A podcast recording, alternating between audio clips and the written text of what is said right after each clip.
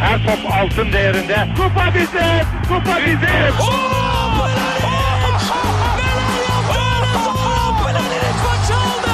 Dengeli de attı. İsabeti de buldu. Matta Fontervi. Zora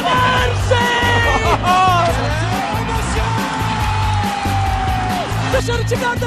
Geldi, geldi, geldi.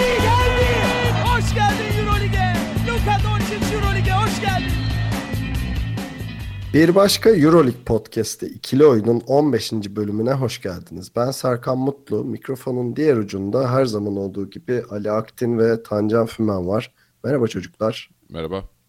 Selamlar. Geçtiğimiz hafta Anadolu Efes serinin son maçında Olympiakos'a deplasmanda yenilerek 3-2'lik e, sonuçla bu seneki Euroleague macerasını sona erdirdi. Öncelikle bu maçı konuşacağız. Onun dışında Euroleague Final Four'da böylece belli olmuş oldu. Olympiakos CSK ve e, temsilcimiz Fenerbahçe Real Madrid eşleşmeleri var. Bu eşleşmelerden de bahsedip programı kapatacağız. Hazırsanız ikili oyun başlıyor.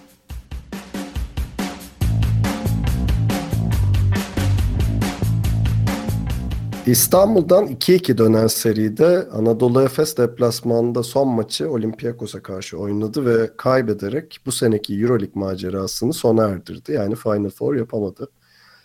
Ee, Tancan seninle başlayacağım. Nasıl gördün bu maçı, Efes'in performansını ve tabii ki de Olympiakos'un performansını? Ya üzücü oldu tabii ya. 2012 2013'ün rövanşı olmadı. Keşke olsaydı. Ama hani geçen programlarda da söyledim. Hep ya kafama takılan şey Anadolu Efes'in o iyi oyununu ya 5 maçta da hatta normalde 4 maçta yayıp keşke 3-1 bitirseydi de 5'e gidince 5. maçta da oynayabilmesi gerekiyordu. Yoksa hani bu seriyi kazanması bayağı zor olacaktı. Ki zaten biz de ilk baştaki tahminlerimizi de 3-1'e göre değiştirmiştik. Hani katında e, oynayacak olduğunu öğrenince. Aslında her şey çok iyi gidiyordu. Neden olmadı? Bence Anadolu Efes doğru yaptığı şeylerin üzerine gidemedi bu seride. Ama Olympiakos da tam tersine gitti. Şöyle 5 e, maça da bakıp ufak bir istatistik e, çıkardım kendi çapımda. Şimdi ilk maçta e, Olympiakos 87 sayı attı ve bu sayıların sadece %11'i Spanulis'ten geldi ve 4, 4 top kaybı yaptı. Ve yanında da 5 oyuncu 10'da 10 ve üstü sayı attı. Yani Efes bu maçı kaybetti 15 sayı farklı. İkinci maçta Printezis bütün takımın %28'ini attı. Yani bütün toplam sayının ve sadece ona eşlik eden Printezis vardı. Geri kalan oyuncular maksimum 6-8 sayı civarındaydı ve üstüne 5 top kaybı yaptı. Efes bu maçı kazandı. Üçüncü maçta da Spanulis bütün takımın %25 e, sayısını attı. Burada da 10 ve üzerine çıkan oyuncu hiç yoktu. Yani Anadolu Efes kazandığı maçlarda topu tamamen e, Spanulis'in elinde kalacak şekilde yani diğer 4 kişiyi sahadaki 4 kişiyi hiçbir şekilde devreye sokmayacak şekilde savunma yapmıştı. Ya yani bu sistem devam etseydi muhtemelen 3. maçı da alacaktı ama olmadı ve e, pardon 4. maçı. 4. maçta Spanulis 18 sayı attı. Bir top kaybı yaptı ve bütün takımın %24 skorunu üstlendi ve üstüne de iki oyuncu 10 artı sayı buldu. Efes bunu da doğal olarak kaybetti. Üçüncü e, son maçta, beşinci maçta benzer bir senaryoyla gitti. Yani diyorsun ki Spanulis zaten varsayılan olarak atıyor ve hani takımın asist yükünü ya da diğer yüklerini üstleniyor ama sen diğer elemanları çift tanelerin altında tutamadığın sürece kaybediyorsun. İstatistik bunu mu söylüyor? Hem onu söylüyor hem de ben şunu söylemek istiyorum. Olympiakos'u yenmek için Spanulis'in eline topu daha çok vermeniz lazım. Yani Spanulis'in kontrolden çıkarmak lazım. Çünkü Spanulis eski Spanulis değil. Evet çok etkili. Ee, her an maçı çevirebilecek durumda. Üst üste 5 üçlük de atabilir ama e, biraz şey gibi oluyor aslında. Westbrook efekt gibi oluyor NBA'deki. Yani top onda kaldıkça diğer 4 oyuncu kritik anlarda devreye gir, giremiyor. Girmeyi de unutuyor zaten. Hani öyle bir işlevsellikleri de kalmıyor. Yani bu aslında görsel olarak güzel gözüküyor. Heyecanlanıyoruz. Evet ben de her zaman Spanis'in bu yönünü çok severim. Çok heyecanlanırım. Ama Anadolu Efes için bu seride Spanulis dışındaki oyuncuları durdurmak okey. Senin dediğin gibi üstüne de bütün yükü onun üzerine yıkıp kontrolden çıkarmak da bir opsiyondu. Bunu yaptığı iki maçı da aldı Anadolu Efes. Aslında bunu demek istiyorum. Zaten Yani- genel olarak e, şöyle bir şey görüyorum Spanulis'in Olympiakos'unda. Son iki senedir olan bir şey bu. Hani Spanulis'in yaşıyla da alakalı. E, takımın diğer elemanları, diğer hani şey parçaları ona ayak uyduramayınca zaten bir sinirleniyor ve hani tamam bu maçı ben çevireceğim deyip hata yapmaya teşne duruma A- geliyor. aynen öyle, aynen öyle. Yani işte tam olarak da bundan bahsediyorum. Yani o diğer oyuncular e, hem işte kontrolü ele alamıyorlar hem Spanulis onlara sinirlenmeye başlıyor. Zaten böyle olunca koçun etkinliği de düş- düşmeye başlıyor. Yani e, bütün ipler Spanulis'in eline geçiyor çünkü. Ne yaparsanız yapın onu uygulamaya devam ediyor. Anadolu Efes bu yolda gidebilseydi bence 5. maçı bile alma şansı vardı ama olmadı, durduramadı yani yapamadılar bu savunmayı. E tabi bu da guard pozisyonundaki sıkıntılar da var Anadolu Efes'teki. Yani bütün oyunun yönlendirildiği kısım guard bölgesi olduğu için Anadolu Efes'te o da e, hiçbir çözüm üretemedik yani orada. Hörtel eski günlerine döndü sağ olsun. Hiçbir varlık Dur dur biraz Ali'ye döneceğim burada. Uyudu adam yanında. Çok çok gaza geldim abi. Ya, bu Hörtel'den Ali'ye veriyorum hocam. Evet, Örtel'i yakalamışken Ali sana döndüreyim. Eğlenceli kolu sa- sana geldi. Bombayı kucağıma bıraktınız resmen şu an ya. E, istersen bırakayım uyu yanında yani. Sen. Yok, yok. Ee, ya evet maçın şöyle diyeyim ben de küçük küçük hatalar maç boyunca yapılan 1-2 1-2 hani bir kar topu etkisi yaratarak maç sonuna geldi ki ben geçen hafta da hatırlarsanız demiştim. e, her şeyden önemlisi Efes'in maç sonunu iyi getirmesi gerekiyor. Son periyodu iyi oynaması gerekiyor. Psikolojiyi sağlam tutması gerekiyor demiştik. E, hiçbirini yapamadı Efes bunların. E, maç başında başlayan faal problemleri vesaire gitgide büyüyerek e, maç sonunda bir felakete dönüştü. E, burada sadece faal problemi değil, işte bahsettiğiniz gibi Hörtel'in o eski hastalığına geri dönmesi, Perosovic'in seçim hataları vardı burada. Ya yazık oldu ama bir noktada da bence belliydi. Yani şey çok düzenli, akıcı bir oyun olmadı. Dağınık bir oyun oldu ve e, bence maç Olympiakos'un e, istediği gibi ya seri bence öyle gitti de bu maç daha da özel olarak e, Olympiakos'un istediği şekilde gitti. Bu ikinci çeyrekte evet e, Efes daha iyi oynadı. Pas trafiğini tıkadı vesaire ama e, sonuç olarak e, bundan avantajlı çıkan taraf Olympiakos oldu. Ya şimdi psikolojik üstünlük ya öyle bir durumda Olympiakos'a geçti ki ya üçüncü çeyreği hatırlıyorum. Tabii bunda Dunstan, Kirk e, ve sanırım Derrick Brown da o sırada faul problemi yaşıyordu ama hani böyle Efes'in dünyalar başına yıkılmış gibiydi üçüncü çeyreğin sonunda ama şimdi üçüncü çeyreğin sonundaki skora bakıyorum fark 5 abi. Yani e, kesinlikle döndürülemeyecek en azından matematiksel olarak diyeyim döndürülemeyecek bir seviyede olmamasına rağmen do- cümleyi doğru kurdum değil mi? Do- Evet, doğru Evet evet kurdum. doğru. Anladım. Ee, ama yani orada psikolojik üstünlük tamamen Olympiakos'un elinde olduğu için son çeyrekte tamamen kontrollerinde geçti. Zaten maçın sonlarına doğru da artık e, iş hani fişi çekmeye kalmıştı diyeyim. Ama orada lafını keseyim. Şöyle bir fark var. Üçüncü çeyrekte evet dediğin gibi matematiksel olarak e, sayı farkı olarak Efes oyundan kopmadı. E, ama oyun olarak bozulmaya başlamıştı Efes zaten orada. Hatırlarsanız e, üçüncü çeyrekte zaten 9-0'lık bir seriyle başladı Olympiakos. E, çeyreği öyle başladılar. Orada şey öne çıktı. Brandon Paul iki tane hücum faali aldırdı. Üzerine de iki tane ekstra üçlük attı. Ve o, o farkın e, açılmasını engelledi. Daha doğrusu işte dediğin gibi beşlerde kalmasını sağladı. Ama Efes olarak zaten e, Efes takım olarak o noktada e, bozulmaya başlamıştı oyun olarak. Ya evet evet ben de o yüzden diyorum yani şey vücut dili takımın dünyalar başına yıkılmış gibiydi hani oyuncuların halleri. Ama baktığında sayı farkı çok yüksek değildi yani hani evet şeyin e, Brandon Paul'un üçlükleriyle de olsa skorun içinde kaldılar. Zaten ben maçı izlerken hep şey düşündüm. Bilmiyorum size de öyle geldi mi? Hani bir şekilde Efes maçın içinde kalsın. Hani karar periyodu dördüncü periyot olsun.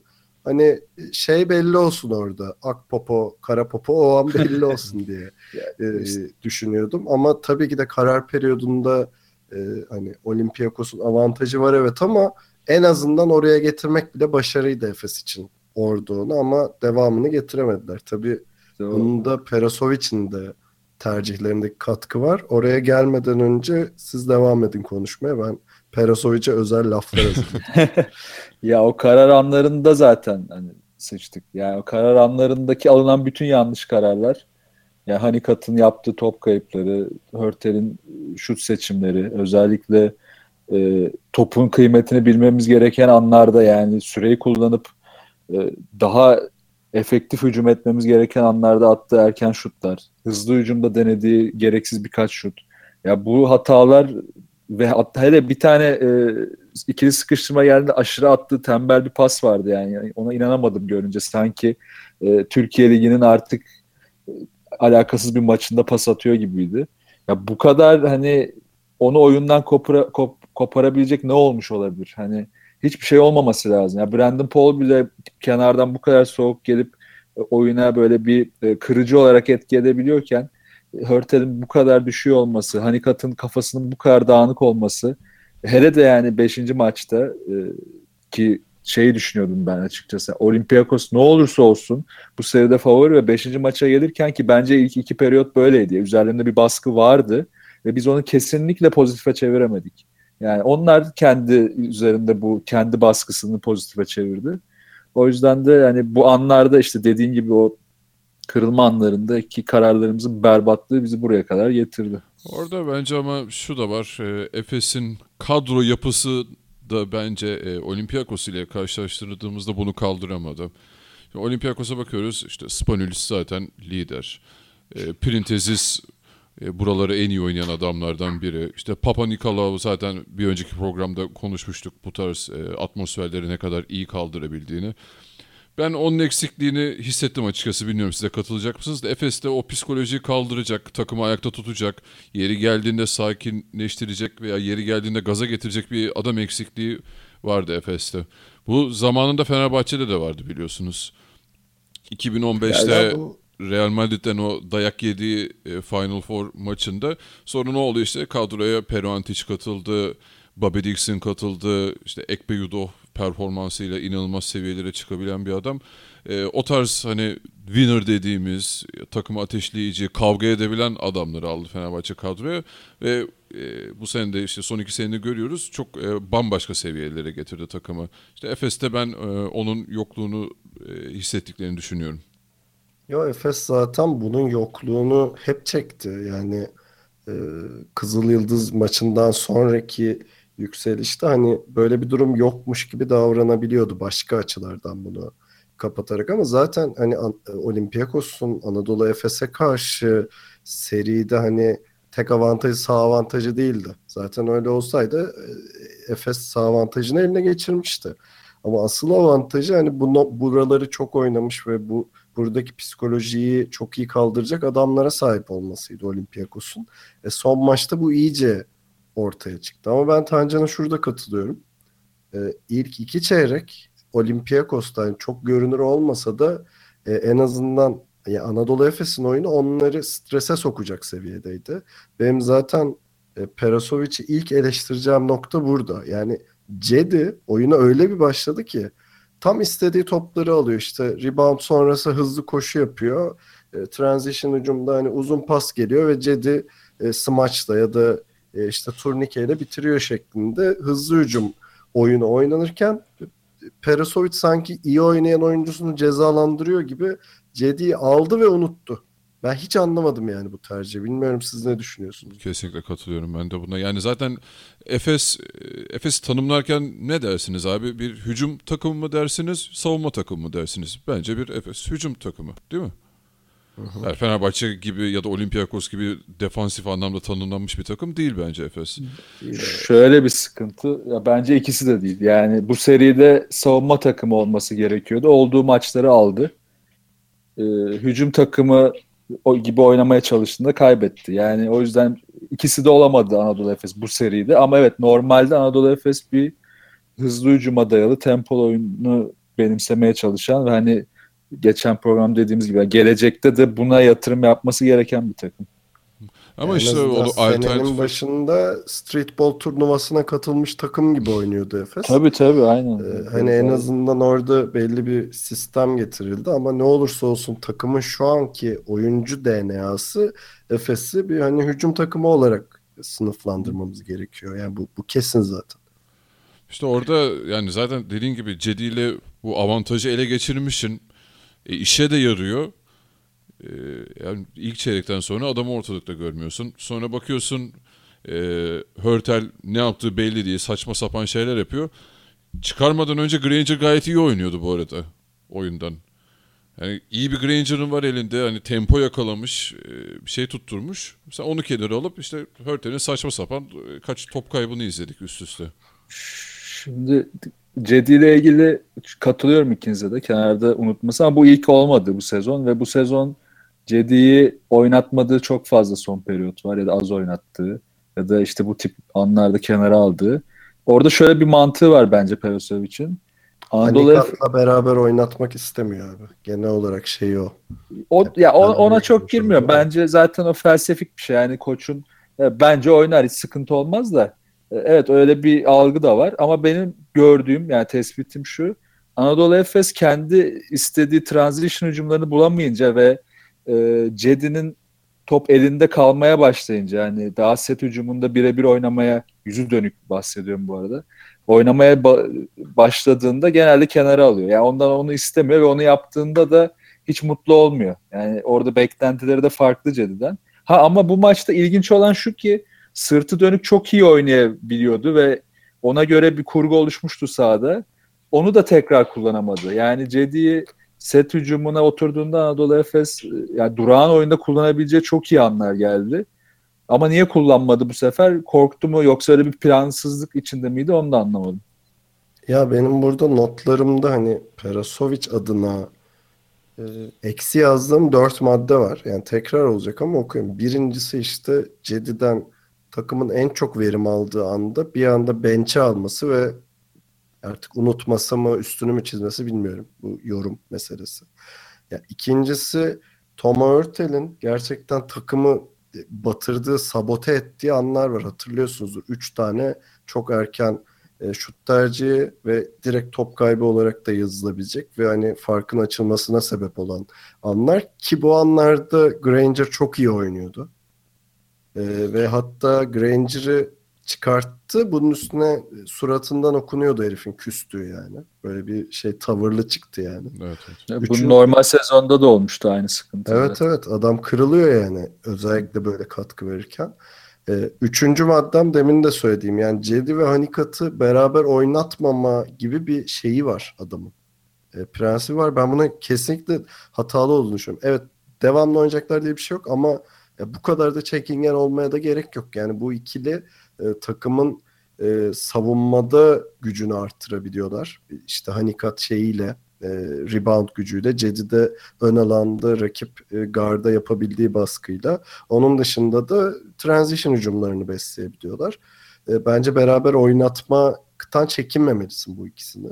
Dördüncü maddede abi yeter artık gerçekten. Yani Efes'in şöyle top iki ele değmeden biten hücumları. Yani buna bir biz bu bitti sanıyorduk yani. Hani bir anda şey playoff serisinde tekrar ortaya çıktı son iki yenilgisinde Efes'in. Yani bu bu dört maddeye dair ben ben artık şeyi Perasovic'e yazıyorum yani. Tamam. Ya. Hani dördüncüsü böyle acaba sözünü dinlemiyorlar mı falan diye düşünüyordum da hani burada artık yani yeter Final Four'un kapısına gelmişsin. Bu hatayı yapmaman lazım artık diye düşünüyorum. Ya oradaki eksik zaten işte Anadolu Efes hızlı hücum oynamayınca erken hücum oynarız bize geliyor ki öyle bir alışkanlığı zaten yok. Hani onu da Hörtel'le falan yapamazsınız. Hörtel'in ya bunu Cedi ile ya, ya Cedi ile Brandon Paul'la belki köşe üçlüklerle yapabilirsiniz. Ona da dair çalışılmış ya da Anadolu Efes'in sezon içinde oradan ya çok fazla sayı buldular evet iyi yapıyorlar diyebildiğimiz hiçbir an yok. Yani bu maçta da onları denemenin anlamı da yok. Deneyen bireysel olunca da işte Hörtel gibi bu sonuç çıkıyor. Ve Hörtel'i yani evet al kenara abi hani neyi bekliyorsun ki al kenara otursun. Yani hani evet oyunda tutayım ve antrenörlerin şu mantığı vardır. Geçen seneki finalde Obradoviç de yapmıştı. Hani oyuncunun bir andaki sert düşüşünde oyunda tutmak onu o maç için tekrar kazanmak için gerekli olabilir. Ama her zaman doğru değildir bu yani. Bu maçta da doğru değildi. Olmadı yani. Abi orada zaten dediklerinize ek olarak e, hani bu dördüncü çeyrekte özellikle Efes'in psikolojik olarak oyundan kopmasında işte e, Perasovic'in ben zaten buna dahil olmasına şaşırdım. Şeyi hatırlarsınız Dunstan 5. faali aldı. Kenara geldi bir de üzerine teknik aldı. Abi şimdi bench'e geldiğinde Dunstan Doğuş'un yanına oturdu. Takımın kaptanı. Hemen iki adım ötesinde de Perasovic var. İşte bağırmalar, çağrışlar, ayağa kalktı, alkışlamaya başladı o teknik aldığı pozisyon. Ya kimse de bu herife dönüp bir dur, bir sakin ol, bir yerine otur demedi ya. Yani ben başka bir koç olsa gidip orada ağzına sıçar. Ne yapıyorsun sen diye. Yani takımı sakinleştirmen lazım. Ya Dans'ın tekniği aldı. Hala aynı şeyi yapmaya devam etti. Ulan har bekledim ya girip gerçekten biri uyarsın şunu doğuş bir yanındaki herifi sakinleştirsin diye bekledim. Yok ama gerçekten takım olarak e, herkes ayrı ayrı kafa olarak koptu oyundan. Ya orada psikolojik durumlar artık orada yani hakim ilk başta görmedi zaten sonra hakim de olamadı. Yani dansına girmişken orada yine maça yani bu arada Serkan sen bir şey mi diyecektin pardon abi. Şey. Yo ben de Dunstan'a girmişken diye Ha, Dunstan'ı eyvallah. Nasıl kitlediğinden bahsedecektim de sen de aynı şeyden bahsedeceksin. Aynen Yani ben oradan girip Dunstan'a- sana vereyim o zaman. Evet yani Dunstan'a 5 faul aldıran da zaten hücumda gerekli katkıyı yapamadığı için sinirlenmesi oldu onu diyecektim. Kesinlikle ve 5 maçın 3'ünde ya Olympiakos'un kazandığı 3 maçta Dunstan ortalıkta yoktu. Yani orayı çok iyi çözmüşler. Çünkü Dunstan Anadolu Efes'in hücumunun en temel yapı taşı. Onun yaptığı çember savunması, onun aldığı rebound, onun verdiği ilk pas bütün bu hücumun başlangıcı. E, onu devreden çıkardılar ve iş bitti. Ha, burada Perasovic neyi farklı yapabilirdi? Ben şunu düşünüyordum 5. maçtan önce. Ya Dunstan'ın üstüne bu kadar geliyorlar. Zaten geldiler. Ve her her kitledikleri maçta aldılar. Yani belki Dunstan'ı bu maç için kenardan getirip daha böyle e, Olympiakos'un düşeceği ya da böyle daha rölantiye girdiği bir anda yani ilk başta değil de belki Kirk'le başlayıp sonra kenardan getirip Dunstan'ı daha verimli ya da daha böyle sakin kullanmasını düşünüyordum. Bekliyordum. Aynen bunu orada- düşünüyorum abi. Eyvallah. Yani orada bir değişiklik şarttı ve hiçbir şey yapmadı. Yani ufak bir değişiklik Olympiakos'a bir sürpriz bir fark yaratabilirdi. Yo o tamamen elinden kaçtı ya. Yani bu faal problemleri vesaire artınca işte Kirk'te Ama bir başlaması anda- lazımdı zaten. Yo, başta Kaçan bir yapsa durum yok. evet evet ama Aynen. maç sonunda e, hamlesi kalmadı o anlamda e, Perasovic'in onu demek istiyorum. Peki Aynen şunu ya. söyleyeyim abi. Dunstan 16 dakika neredeyse oyunda kalmış ve bir rebound almış. Yani bu, bu herhalde bir ipucu veriyor değil mi? O duruma Ya dair. tabii canım. Diğer Aldığı bütün, rebound da şey de, defansif rebound bu arada. Hücum reboundu da değil. aynen diğer bütün sıçtığı maçlarda da aynı zaten. Yani ne rebound verdiler, ne hücum et, edebildi, ne hızlı hücum başlatabildi. Yani Sfarapoulos onu çok iyi çözmüş. Bütün Anadolu Efes'in hücum sistemini daha başlamadan bitirdi adam. Ki orada e, Alex Kirk, e, Kaptan Kirk Kaptan. yani e, bence onun girdiğinde çünkü yani Dunstan'a öyle bir hazırlanmışlar ki Alex Kirk girdiğinde hani hem o e, kulaç uzunluğu mu deniyor ona hani o Evet. çok uzun herifte ve 5 tane şey e, hücum reboundu çekti toplamda 7 rebound. Hani Aynen. bu maçtaki katkısı Dunstan'a göre de yani Dunstan'ın e, faul problemi yaşadığı dönemde hani oyunu aldı. Bence Dunstan'a göre çok daha iyiydi. Yani şey gibi hani nasıl Fenerbahçe Ekpe'yle başlamıyor maçlara pek. Hani orada şey gibi bir düşüncesi var hani maçın başındaki maçın başında hani başkasını kullanayım Ekpe'yi daha sonra dinlenmiş olarak hani diğer oyunculara göre e, daha zinde sokayım maçın sonuna kadar da kalsın sahada gibi bir düşünceyle yapıyor bunu ama belki de hani öyle Alex Kirk hamlesi diyeyim en azından gelebilirdi ama hiç öyle bir düşüncesi olmadı yani. Yok, hiç hiç düşünmemiş bile yani baştan itibaren. Peki e, gene sorularım var eğer ekleyecek bir şeyiniz yoksa. Benim yok. Tamamdır. Aslında bu soruyu tekrar so- soracağım size. E, Perasovic hala kalsın diyor musunuz? Valla ben diyorum ya kalsın. diyorsunuz. Tamam. Tek maçta Benim silmedi. cevabım aynı yani şey e, gelecek sezon bu yöndeki bir yatırım devam edecek Anadolu Efes'te bir stabil bir durum yaratılacaksa bu yani Perasovic'in yaratmak istediği sistem üzerine gidilecekse kalsın. Yok Perasovic'e yepyeni 6-7 tane oyuncu verip yeniden başlanacaksa e, düşünmek lazım. Şimdi zaten bir sonraki sorum onunla alakalı. Ee, şimdi Örtel'i saymıyorum. Gitti diye düşünüyorum. o gidecek kesin evet. Ee, peki sizce Cedi NBA yapar mı? Ya bence yapmamalı ama yapar mı? Onu soruyorum şu an. Ya şu haliyle giderse Hezonya'dan hallici olur. Hani ama e, gidecek gibi duruyor şu anda. Hani işaretler o yönde ama belli de olmaz ya. Ben hani %50-50 gibi görüyorum şu anda kalabilir. Ya bence yani- de ya giderse başarılı şu haliyle olabilir mi? Bence olamaz. Ama oraya da gidip hani fiziksel olarak daha kendini bir üst boyuta çıkarma vesaire olaylarına girip e, bir sürpriz de yapabilir. Hani ama ben Cedi yerinde ben olsaydım ben e, bir iki sene daha buralarda takılırdım herhalde. Yani herhalde Cedi'nin şu anda yani De Colo'nun yaşadığı gibi bir talihsizliği var. Yani De Colo'nun şutu Cedi'ye göre çok daha iyi ama e, yani mevkisi için hani e, şey tabirimi bağışlayın lütfen fazla beyaz kalıyor. Yani NBA için öyle. Racist. racist. evet öyle de, yani öyle demek istemiyorum ama maalesef e, aklıma ya yeterince atletik kalmıyor diyeceğim. yok lan yok Doğru olacak bilmiyorum. Ee, peki o zaman hani Efes'in hangi mevkide hangi eksikleri var sizce? Son bu, sorun bu. Zaten buradan da şuna bağlanıyoruz. Yani günün sonunda Perasovic'e e, ya bu adamlar gitti bunları da yolladık 7 tane yeni adam alacağız mı diyecek Efes yoksa birkaç pansumanla çözülecek mi konu? Ya bence çözülebilir. Tabii bunu hani ayrı bir programda uzun uzun da konuşuruz. Yani ya Hörtel'in mevkisi işte ben bu arada e, şu son 5 maçın sonunda hatta sezonun sonundaki etkisine rağmen bile Hanikat'ın da değerlendirilmesi gerektiğini düşünüyorum. Hani, hani gitmesi planlanabilir yapıya göre ya da yerine alınabilecek adamların kalitesine göre.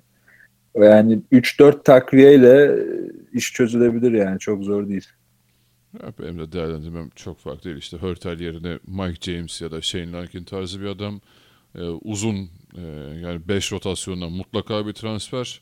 Ee, bir de forvet e, takviyesiyle gayet e, Perosovic'in istediği yönde bir takıma doğru evrilebilir. Dunstan ve Alex Kirk varken bir 5'e gerek var mı ya sizce? Üçüncü Ha, bir beş. bence Alex Kirk'le zor. Yani onu Yo. gönderip yerine bence birini alabilirler.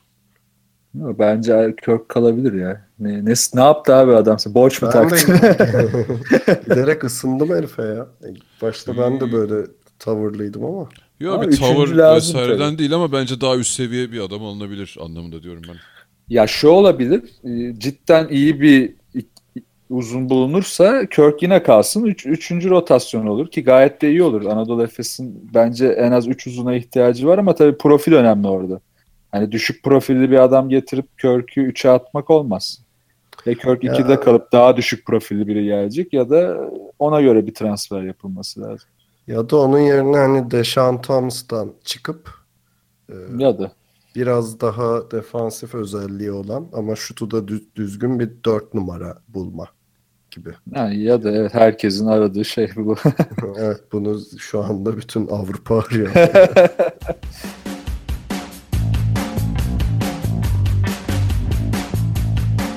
Panathinaikos'u 3-0'la geçen Fenerbahçe Euroleague Final Four'unda e, Darüşşafaka'yı playoff'larda 3-1'le geçen Real Madrid'e rakip oldu. E, Real Madrid için e, geçtiğimiz seneki süpürgenin rövanşı niteliğinde Fenerbahçe ise e, Final Four'un İstanbul'da oynanacak olması dolayısıyla avantajını kullanmak istiyor. Ali senle başlayacağım. Nasıl görüyorsun bu eşleşmeyi? Ee, evet 2015 Final Four'un bir kopyası yine önümüze geldi. Ee, bu da bu arada sadece bu iki takım açısından değil bu dört takım açısından da bence gayet güzel bir gösterge. Hani ne kadar e, istikrarlı bir şekilde bu formu koruduklarını gösteriyor. Ee, eşleşmeye gelirsek e, Fenerbahçe'nin iki tane çok önemli avantajı var. Bir, Real Madrid nasıl durduracağını çok iyi biliyor. İki, maçın İstanbul'da olması. Şimdi evet seyirci faktörünü kenara bırakırsak hani daha teknik olarak maça bakarsak e, Real Madrid'i yenmek istiyorsanız iyi bir defans e, yapmanız gerekiyor. Bozmanız gerekiyor oyunlarını e, açık alan vermemeniz gerekiyor.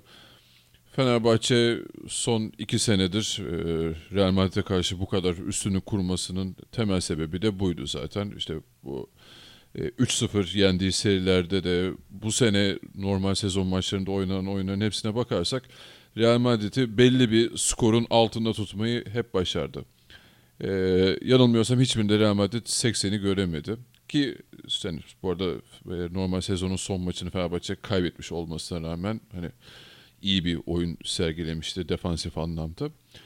Evet Real Madrid'i 67 sayı mı ne atmıştı zaten. e, evet hiç bu sene kendi evlerinde e, yani 70'leri bile görmemişti. 80'in altında atıyor bir Real Madrid. 61-56 bitmiş abi. Evet evet e, hiç e, bir yani hücumda varlık gösterememişlerdi. Fenerbahçe daha kötü hücum ettiği için yenememişti. E, evet yani Fenerbahçe playoff öncesi hücum anlamında çok tıkanmış, e, bocalayan bir takım görüntüsündeydi. E, bu Panathinaikos e, serisinden sonra artık buralarda da e, bir eşik atladığını gösterdi. En azından geçen sene daha iyi yaptığı şeyleri hatırladı. Dediğim gibi ben Fenerbahçe'yi bir hatta üç diyeyim. Bir Obradoviç etkisi, iki seyirci, üç e, Real Madrid'i çok iyi tanıdığı için nasıl durduracağını çok iyi bildiği için ben e, bu alanlarda Fenerbahçe'yi favori görüyorum bu eşleşmede. Tancan katılıyor musun? Ee, ya favori değil ama hani favori bana daha böyle et şey e, rahat geçecek bir ta- hava veriyor favori dendiğinde.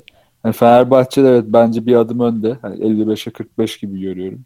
Ama bu bir anda tersine dönebilir.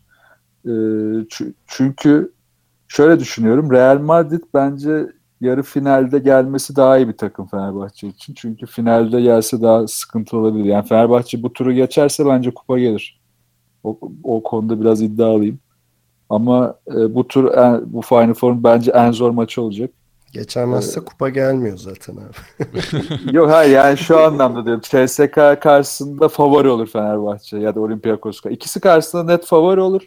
Real Madrid maçı bu tur için ya bu Final Four için en zor maç. Yani o anlamda söylemek istedim. Yani atıyorum CSK gelseydi Fenerbahçe yarı finalde yine rahat geçer derdim. O kadar eminim o konuda. Ama finalde Real Madrid olduğunda çok zor, çok zor, çok daha zor olurdu Fenerbahçe için. Yani şöyle bir şey var çünkü Real Madrid e, bizim sağ avantajımız olsa da bu tip baskıları Fenerbahçe'den hala çok fazla yaşamış bir takım ve bu baskıları da kendi üzerine çevirebilen bir takım.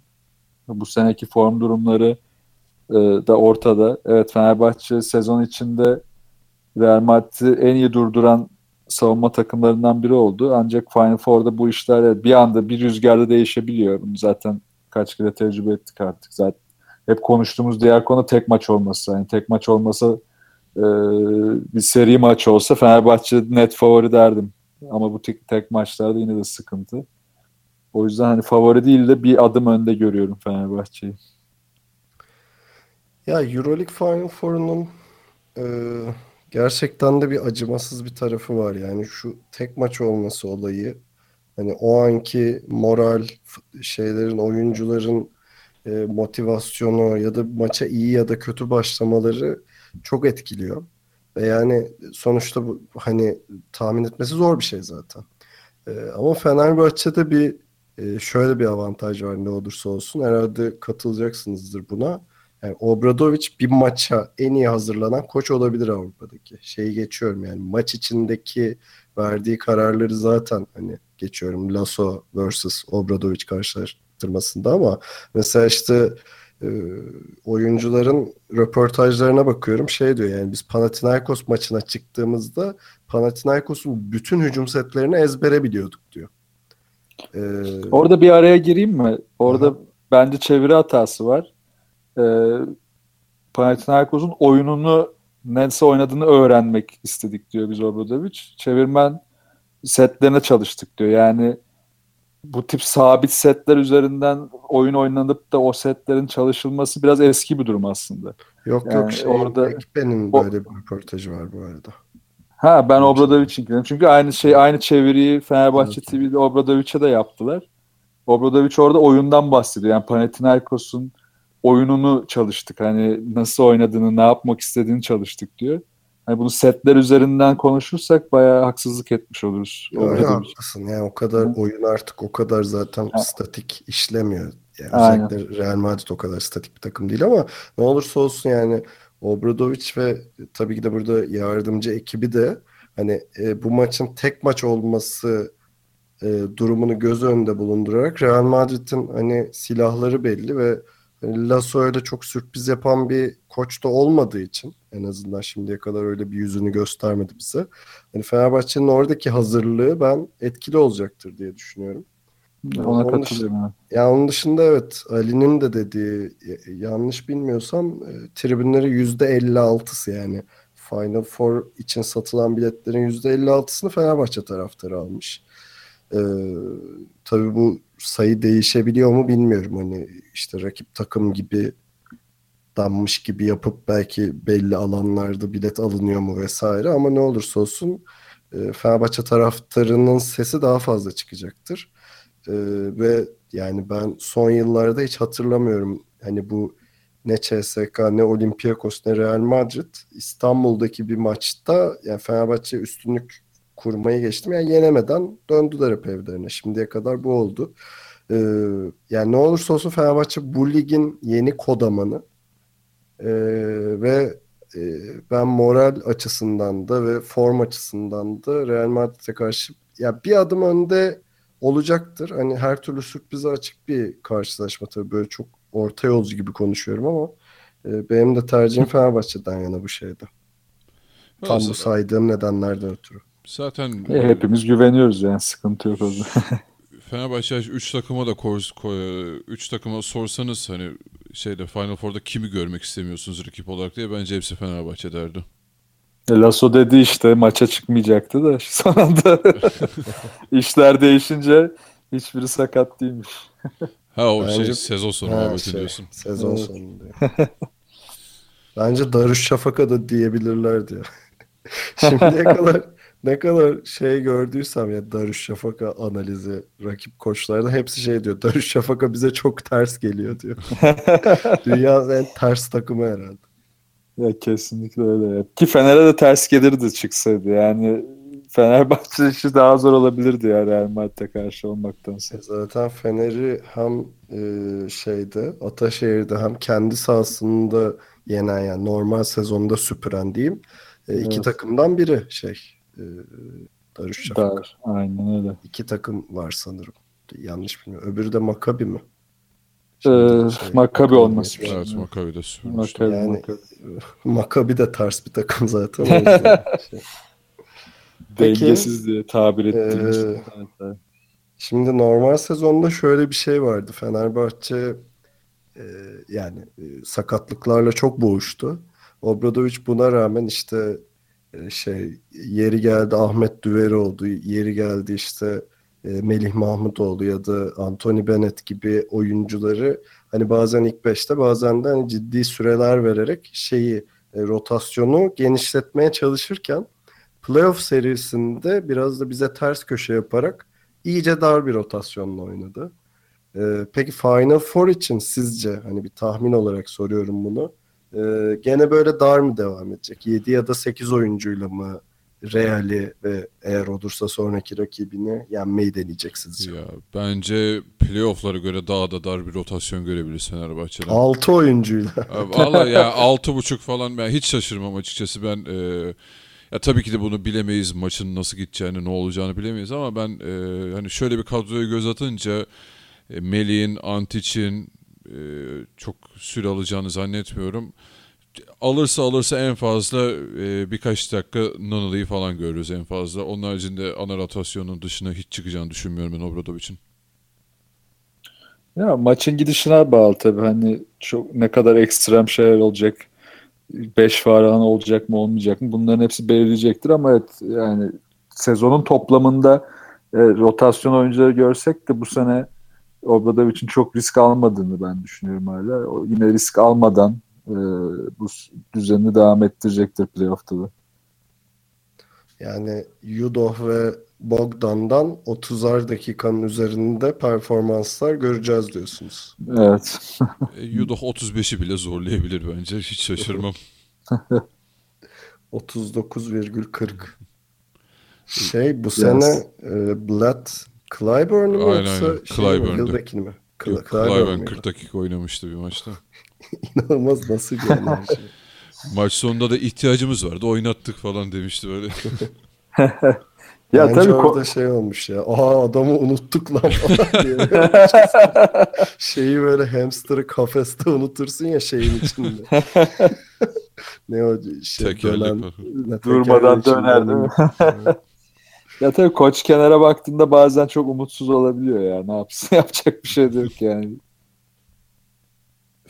Fener, Fener için mi diyorsun? Evet. Yoksa bütün koçlar mı kenara baktığında? yani de Brad için de dedim biraz da tabii bu Obradovic için de diyorum bunu aynısını. ya, ya bakınca kenarda hani guard pozisyonundaki alternatif Nanili Berk'i mi alacak oyunu? Hani zaten bir sıkıntı. Ahmet'i alsa e, topu aşağı indirdiği anda Real Madrid oyuncular eline vurur, kafasına vurur, alır o topu yani. Hayatta acımazlar. Yani oralarda bir top kaybı bile büyük risk ya. O riske girmesi ki Nanili'yi e, 4-5 dakikalık çıkardığı maçlarda hepsinde sinir krizine girip çıkardı. Yani yaptığı savunma hatalarından ve hücumdaki tercihlerinden dolayı. Yani o riske hiç girmek istemiyor şu anda. Ben de o yüzden ekstrem bir şey yoksa girmez herhalde diye düşünüyorum. Ya işte Zaten Ayon Ahmet'i yani akşam yemeği niyetine yer yani aperatif. Tabii tabii. Nala için demek istediğim oydu zaten senin dediğin gibi. Bir yine 3-5 dakika birilerini dinlendirmek için alır.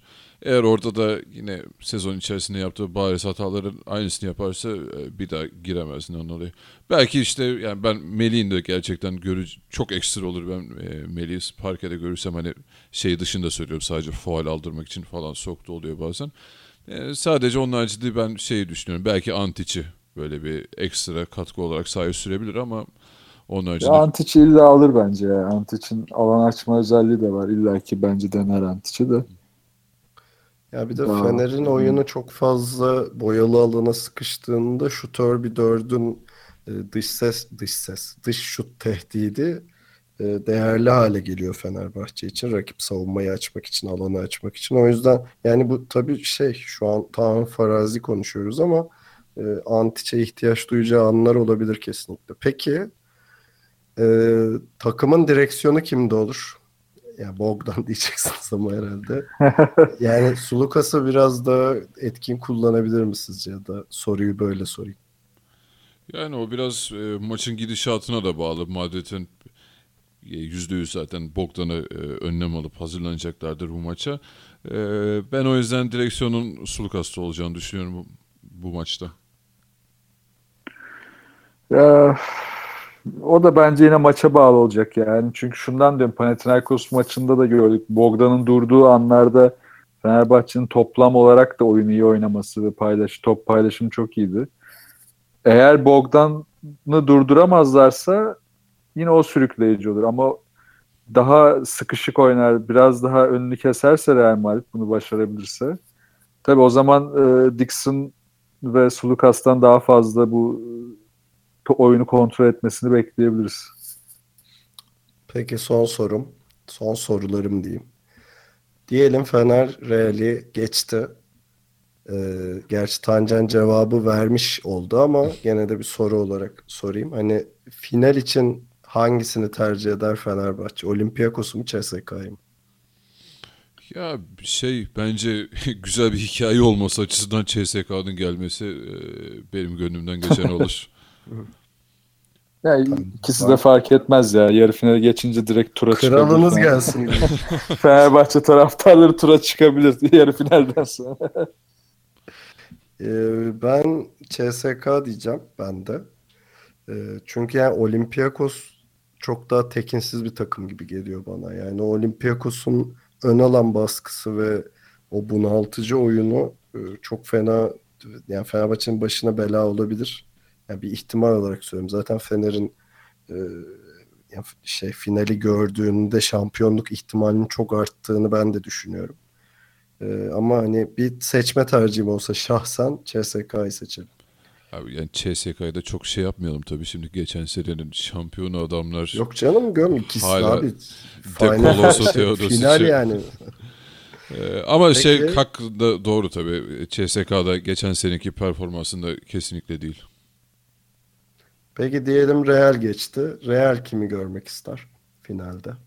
Sonuçta tarafsız bir Euroleague programı olarak böyle şeyleri de konuşmamız lazım arkadaşlar. Ee, bence Real de CSK'yı isteyebilir gibime geliyor. Real kimi ister? Bir düşüneyim ben. Ha. ben Real'in Olympiakos'u çitleyerek yiyeceğini düşünüyorum da o yüzden. Ben de Olympiakos diyorum ya. Yani atlet yani Efes Pilsen'in yap Anadolu Efes'in yapamadıklarını yapabilecek bir çok daha iyi yapabilecek bir takım Real Madrid. O yüzden Olympiakos'u tercih ederler. Yani şu yüzden diyorum ben de Real Madrid'in e, yani o Olympiakos'un ön alan baskısının kilidini açacak çok daha fazla silah var.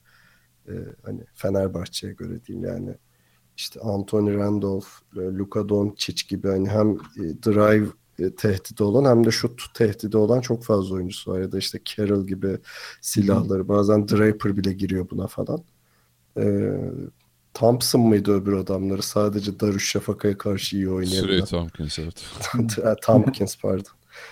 Yani o etkili olmaz da hani Sergio Yul'den başka söylüyorum. Hani böyle de çok fazla silah olduğu için Olympiakos'u tercih edecektir gibi geliyor ama umarım Real Madrid kimi tercih etsin gibi bir konuyu konuşmuyor olacağız Final Four için.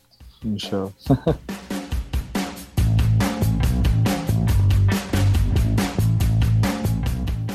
Final Four'un diğer eşleşmesinde Baskonya'yı 3-0'la süpüren e, CSK'nın rakibi Anadolu Efes'i 3-1 ile geçen Olympiakos oldu. E, Tancan senle başlayacağım. Ya bir yandan şu soruyla başlayayım hadi. Şimdi bu sene Euroleague formatı değişti.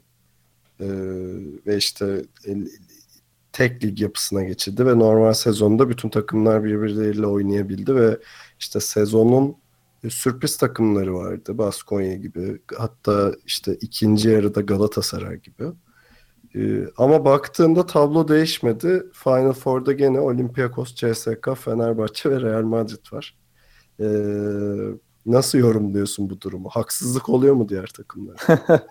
Ha, bu durumu dört takıma da hak vererek kutluyorum. Çünkü şöyle yani dört takımın da kadrosu minimum iki sene ya da minimum üç senedir en azından 4-5 oyuncunun bir arada oynadığı ve belli bir yapıyı devamlı sürdüren takımlar. Yani buna bir de Fenerbahçe, pardon Fenerbahçe diyeyim de diğer taraftan işte e, Kızıldız'ı falan ekleyebiliriz ama zaten onlar da e, ilk 8'e kalamadılar. Yani diğer takımların tam neredeyse hepsi ya e, birkaç sene içinde yeniden yapılanmaya gitmiş ya da işte bu sene bir anda değişime gitmiş. Yeni koçlarla çalışan takımlar. O yüzden hani bu durumu çok yadırgamadım. Ama bir sürpriz bekliyordum yine de açıkçası. Hani aradan biri sıyrılır diye. Bu da Baskonya olabilirdi. Yani zor da olsa bir sürpriz ki zaten onların da elenmesi biraz da tartışmalı oldu. Yani çok girmeyeyim o konuya şimdi de. E, şansları vardı yani. O yüzden çok şaşırmadım bu dört takımın kalmasına. Peki. O zaman şeyle devam et. CSK Ha, Olympiakos. okey. Daha yok sonra bir anda kaptırıp gidiyorum ya. dedim, Susayım. Yok fo- formatı konuşmamıza gerek yok. Eyvallah, Eşleşmeyi eyvallah. konuş. Eşleşme için yani e, CSK sezonu 2-0 geçti Olympiakos'a karşı. Orada bir ufak da olsa bir psikolojik üstünlüğü olacak. Yani Olympiakos oyuncuların aklına düşecek bir durum. E, ben açıkçası CSK'yı favori görüyorum. E, Olympiakos'un ama tabii buraları çok fazla oynamış bir takım olduğu için e, tabii ki şansı var. Yani şimdi biz Türk takımı var karşıda diye hamama gidip kız bakıyor gibi rakip seçmek istemem ama CSK'yı tercih edeceğim için de bu biraz da duygusal bir yanı da var. Bu. Wishful thinking diyorsun ya. Aynen aynen biraz duygusal bir yanı da var ama yok CSK ağırlık koyabilecek çok daha fazla oyuncuya sahip. Yani Efes Anadolu Efes eşleşmesini anlattığım durumdan ötürü de Spanulis'in kontrolden çıktığı bir maç olma ihtimali çok yüksek. Eğer öyle olursa da zaten CSK rahat geçer turu. Ali sen ne diyorsun? Ee, Benim de favorim CSK açıkçası. Ee, Yani Olympiakos'un şansı yok değil. Hani e, yüzde yüz şey yani CSK alır demiyorum. Olympiakos'un da kesin şansı var. Ki bence e, nedense ben yani Olympiakos'un Real Madrid'le eşleştiktense CSK'yı tercih ettiğini düşünüyorum ben. Ee, bu arada şey konusunda bir fikriniz var mı? Lojeski dönecek mi acaba yoksa komple kapadı mı o bu seneyi? Vallahi Son Euro- maçı da kenarda izliyordu da sağlığına dair bir şey duymadım açıkçası. Yani dönse bile zaten ne kadar e, form tutmuş olarak dönecek o bile bir soru işareti herhalde. Ee, Evet yani tabii Yani Lojeski daha vakit var da Eurolig'in muhteşem haber akışında ne öğrenebiliriz bilmiyorum. e, Dur abi hemen bir arıyorum Olympiakos'u falan. Anca öyle haber alabiliyoruz. hani hücumda taşıyıcı gücü olmasa bile Lojeski bence önemli bir eksik Olympiakos açısından e, güvenilir bir e, şutör, üçlükçü.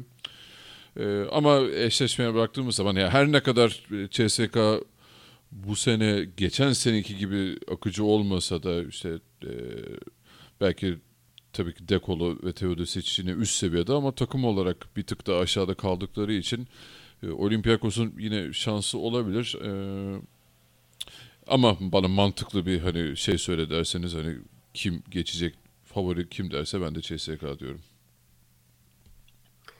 Ya bana çok böyle favorisi olan bir eşleşme gibi gelmiyor. Sadece Olympiakos'un bir e, pota altı sorunu yaşama ihtimali var.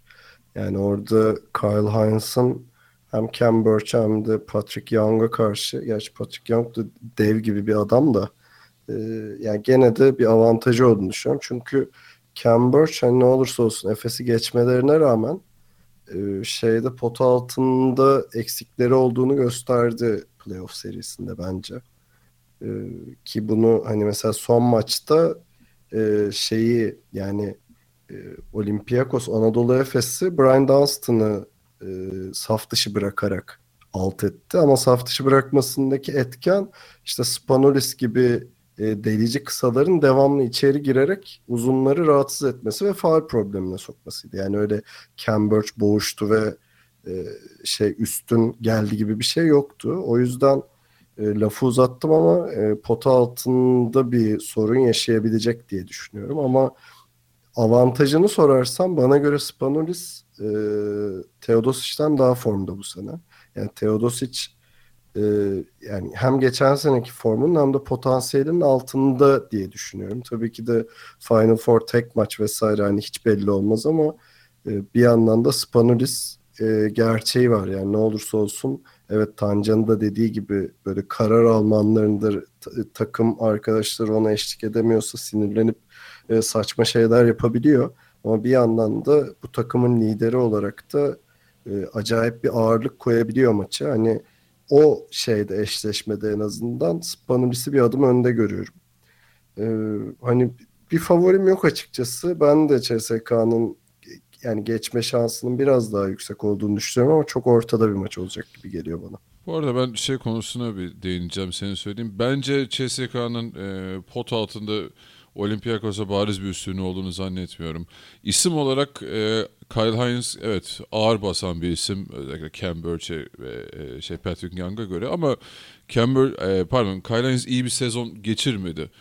Baskonya'ya karşı e, iyi gözüktü ama Baskonya'nın da zaten pot altının e, ya da uzunlarının ne kadar e, etkili olduğu tartışılır. Biliyorsunuz orada Diop vesaire e, çok Diop sorunu var onun. aynen aynen. E, çok öne çıkan adamlar değil. Tırt. Sizi bilmem ama ben James Agustin'in de çok e, hayranı değilim. Kynes e, geçen Ben de sene posteri asılı abi bayılıyorum. herif. Daha biliyorsunuz geçen hafta yemek yedik herifle. sezon başlamadan bir şey haberleri de çıkıyordu. CSK Yudo kapmak istiyor tarzı hani teklifler vesaire olduğumu bilmiyoruz ama bir e, ilgileri vardı açık olarak. E, ben sadece demek istediğim e, pota altında çok birbirine bariz üstünü kuracak bir eşleşme olduğunu zannetiyorum bunun. Ben bu dediğini şöyle devam ettireyim. Güzel girdin aslında. Bence de yok ama şu var. E, Olympiakos'un çember savunucusu Cambridge e, ve Olympiakos gibi takımlar CSK'yı savunmaya daha meyiller. Çünkü Dekolo forvetten ikili oyun oynayıp çembere gitmeye çalışıyor genelde ve bu çembere gittiğinde çember savunucunuz yoksa geçmiş olsun. Ama e, işin güzel şu ki CSK'da ne Dekolo ne Teodosic tam top formunda. Yani ve buna karşılık da Cambridge ilk kez Final Four göre, gören bir oyuncu. Yani iki tarafın aslında maç içinde istediğini ne kadar yapabileceğine bağlı olacak. Yani Sforopoulos muhtemelen çember savunmasına ağırlık verecek. Cambridge'den bunları bekleyecek. Ha yapamazsa zaten geçmiş olsun yine ama diğer tarafta da Dekolo o forvet oyunlarını, ikili oyunları çembere gidecek kadar ya da işte uzunu iyi devirebilecek kadar iyi oynayamazsa e, bu sefer de CSK zorlanmaya başlayabilir. Bence Sferopoulos orada hani çembere bile gelmeden ön alanda kitlemeye bakacaktır. Zaten onu yani, onu yaparsa öyle, zaten helal olsun yani hiçbir şey yani değil. Olympiakos ama bence bunu EuroLeague'de en iyi yapan takım zaten ama tabii yani CSK'yı nereye kadar durduruyorsun o da bir e, şey işte, ama tam e, olarak o durum var evet. Yani De Colo ile Teodos için o maçlık performansları da anahtar olabilir tabii sonuçta. Dediğimiz gibi yani potansiyellerinin altında oynadılar ve hatta geçen seneyle karşılaştırdığında geçen sene de altında oynadılar ama bu maçta e, yani bakarsın e, çok daha ileri gitmişler ve çok rahat geçmişler Olympiakos'u. Böyle bir ihtimal de var herhalde. Tabii canım Sinan Erdem'de final maçından sonra Teodosic MVP ödülüyle gördüm. Yani gözümün önüne geldi yani. Yine korktum bak. Allah korusun. Çıkmış 30-60 ya hiç şaşırmayız ya. Yapacak bir şey. Pro içiyor falan. Peki e, demin sorduğum soruyu bir de bu taraftan sorayım. E, diyelim CSK çıktı. Fener'i mi yoksa Real'i mi ister? Ve diyelim Olympiakos çıktı. Fener'i mi yoksa Real'i mi ister? Tancan sen başla. Abi CSK bence net Real ister ya. Çünkü Türk, Türkiye'de olan bir durum. CSK bu tip şeylerde daha stratejik bir takım gibi geliyor bana. Olympiakos, abi biz Olympiakos'uz güm güm takılırız kafasında. CSK net Real Madrid ister bence. Seyirci açısından mı diyorsun sen? Sağ evet ben tamamen atmosfer, seyirci ve oyunun ne kadar hakim olabileceği açısından. Ama şey değil mi ya CSK'da bunları hiç sallamayan bir takım ya. Hani Olympiakos ve diğer takımlar daha çok etkilenebilir ama e, biliyorsunuz Ruslar bu konuda biraz garip olduğu için hani e, kend... Ruslar abi ama soğuk adamlar ya. Böyle düz yani Rus abi adamlar. Yok bence tam tersi ya. ya. Olympiakos e, çok daha hani kendine hakim ve buralardaki bütün pislikleri yaşamış bilen bir takım. CSK da tabii ki bunları biliyor da ben CSK'nın hani Tudis'ten dolayı daha stratejik düşündüğünü e, varsayıyorum burada.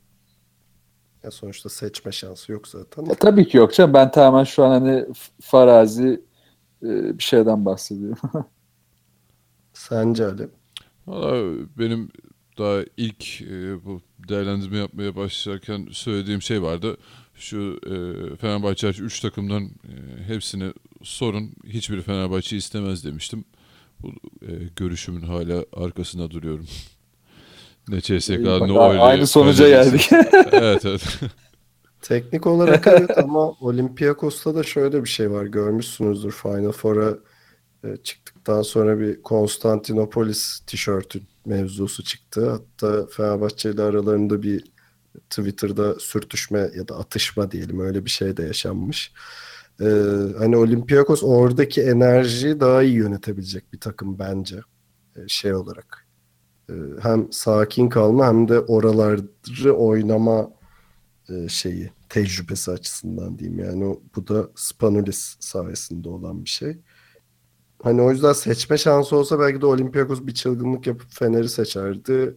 Ama CSK kesinlikle e, Real'i seçerdi gibi geliyor bana. Ama zaten dediğim gibi çok farazi şeyler bunlar ama hani sorsam belki de koçların gönlünde bunlar yatıyordur gibi geliyor ya. bana. Bu arada şu da var. E, playoff'ta tabii bunlar daha barizdi ama şu dörtlüye baktığımız zaman son 5 senenin e, en çok Final Four yapmış dörtlüsü var karşımızda. O yüzden ben hiçbirinin şey anlamında değerlendirmesine girmiyorum. Hani şu maç sonu daha iyi oynuyor, şu buralara daha alışkın, işte şunun kadrosunda buna daha çok yatkın oyuncu var. Ee, Bence o açıdan e, dört takımın da birbirinden çok bir farkı yok.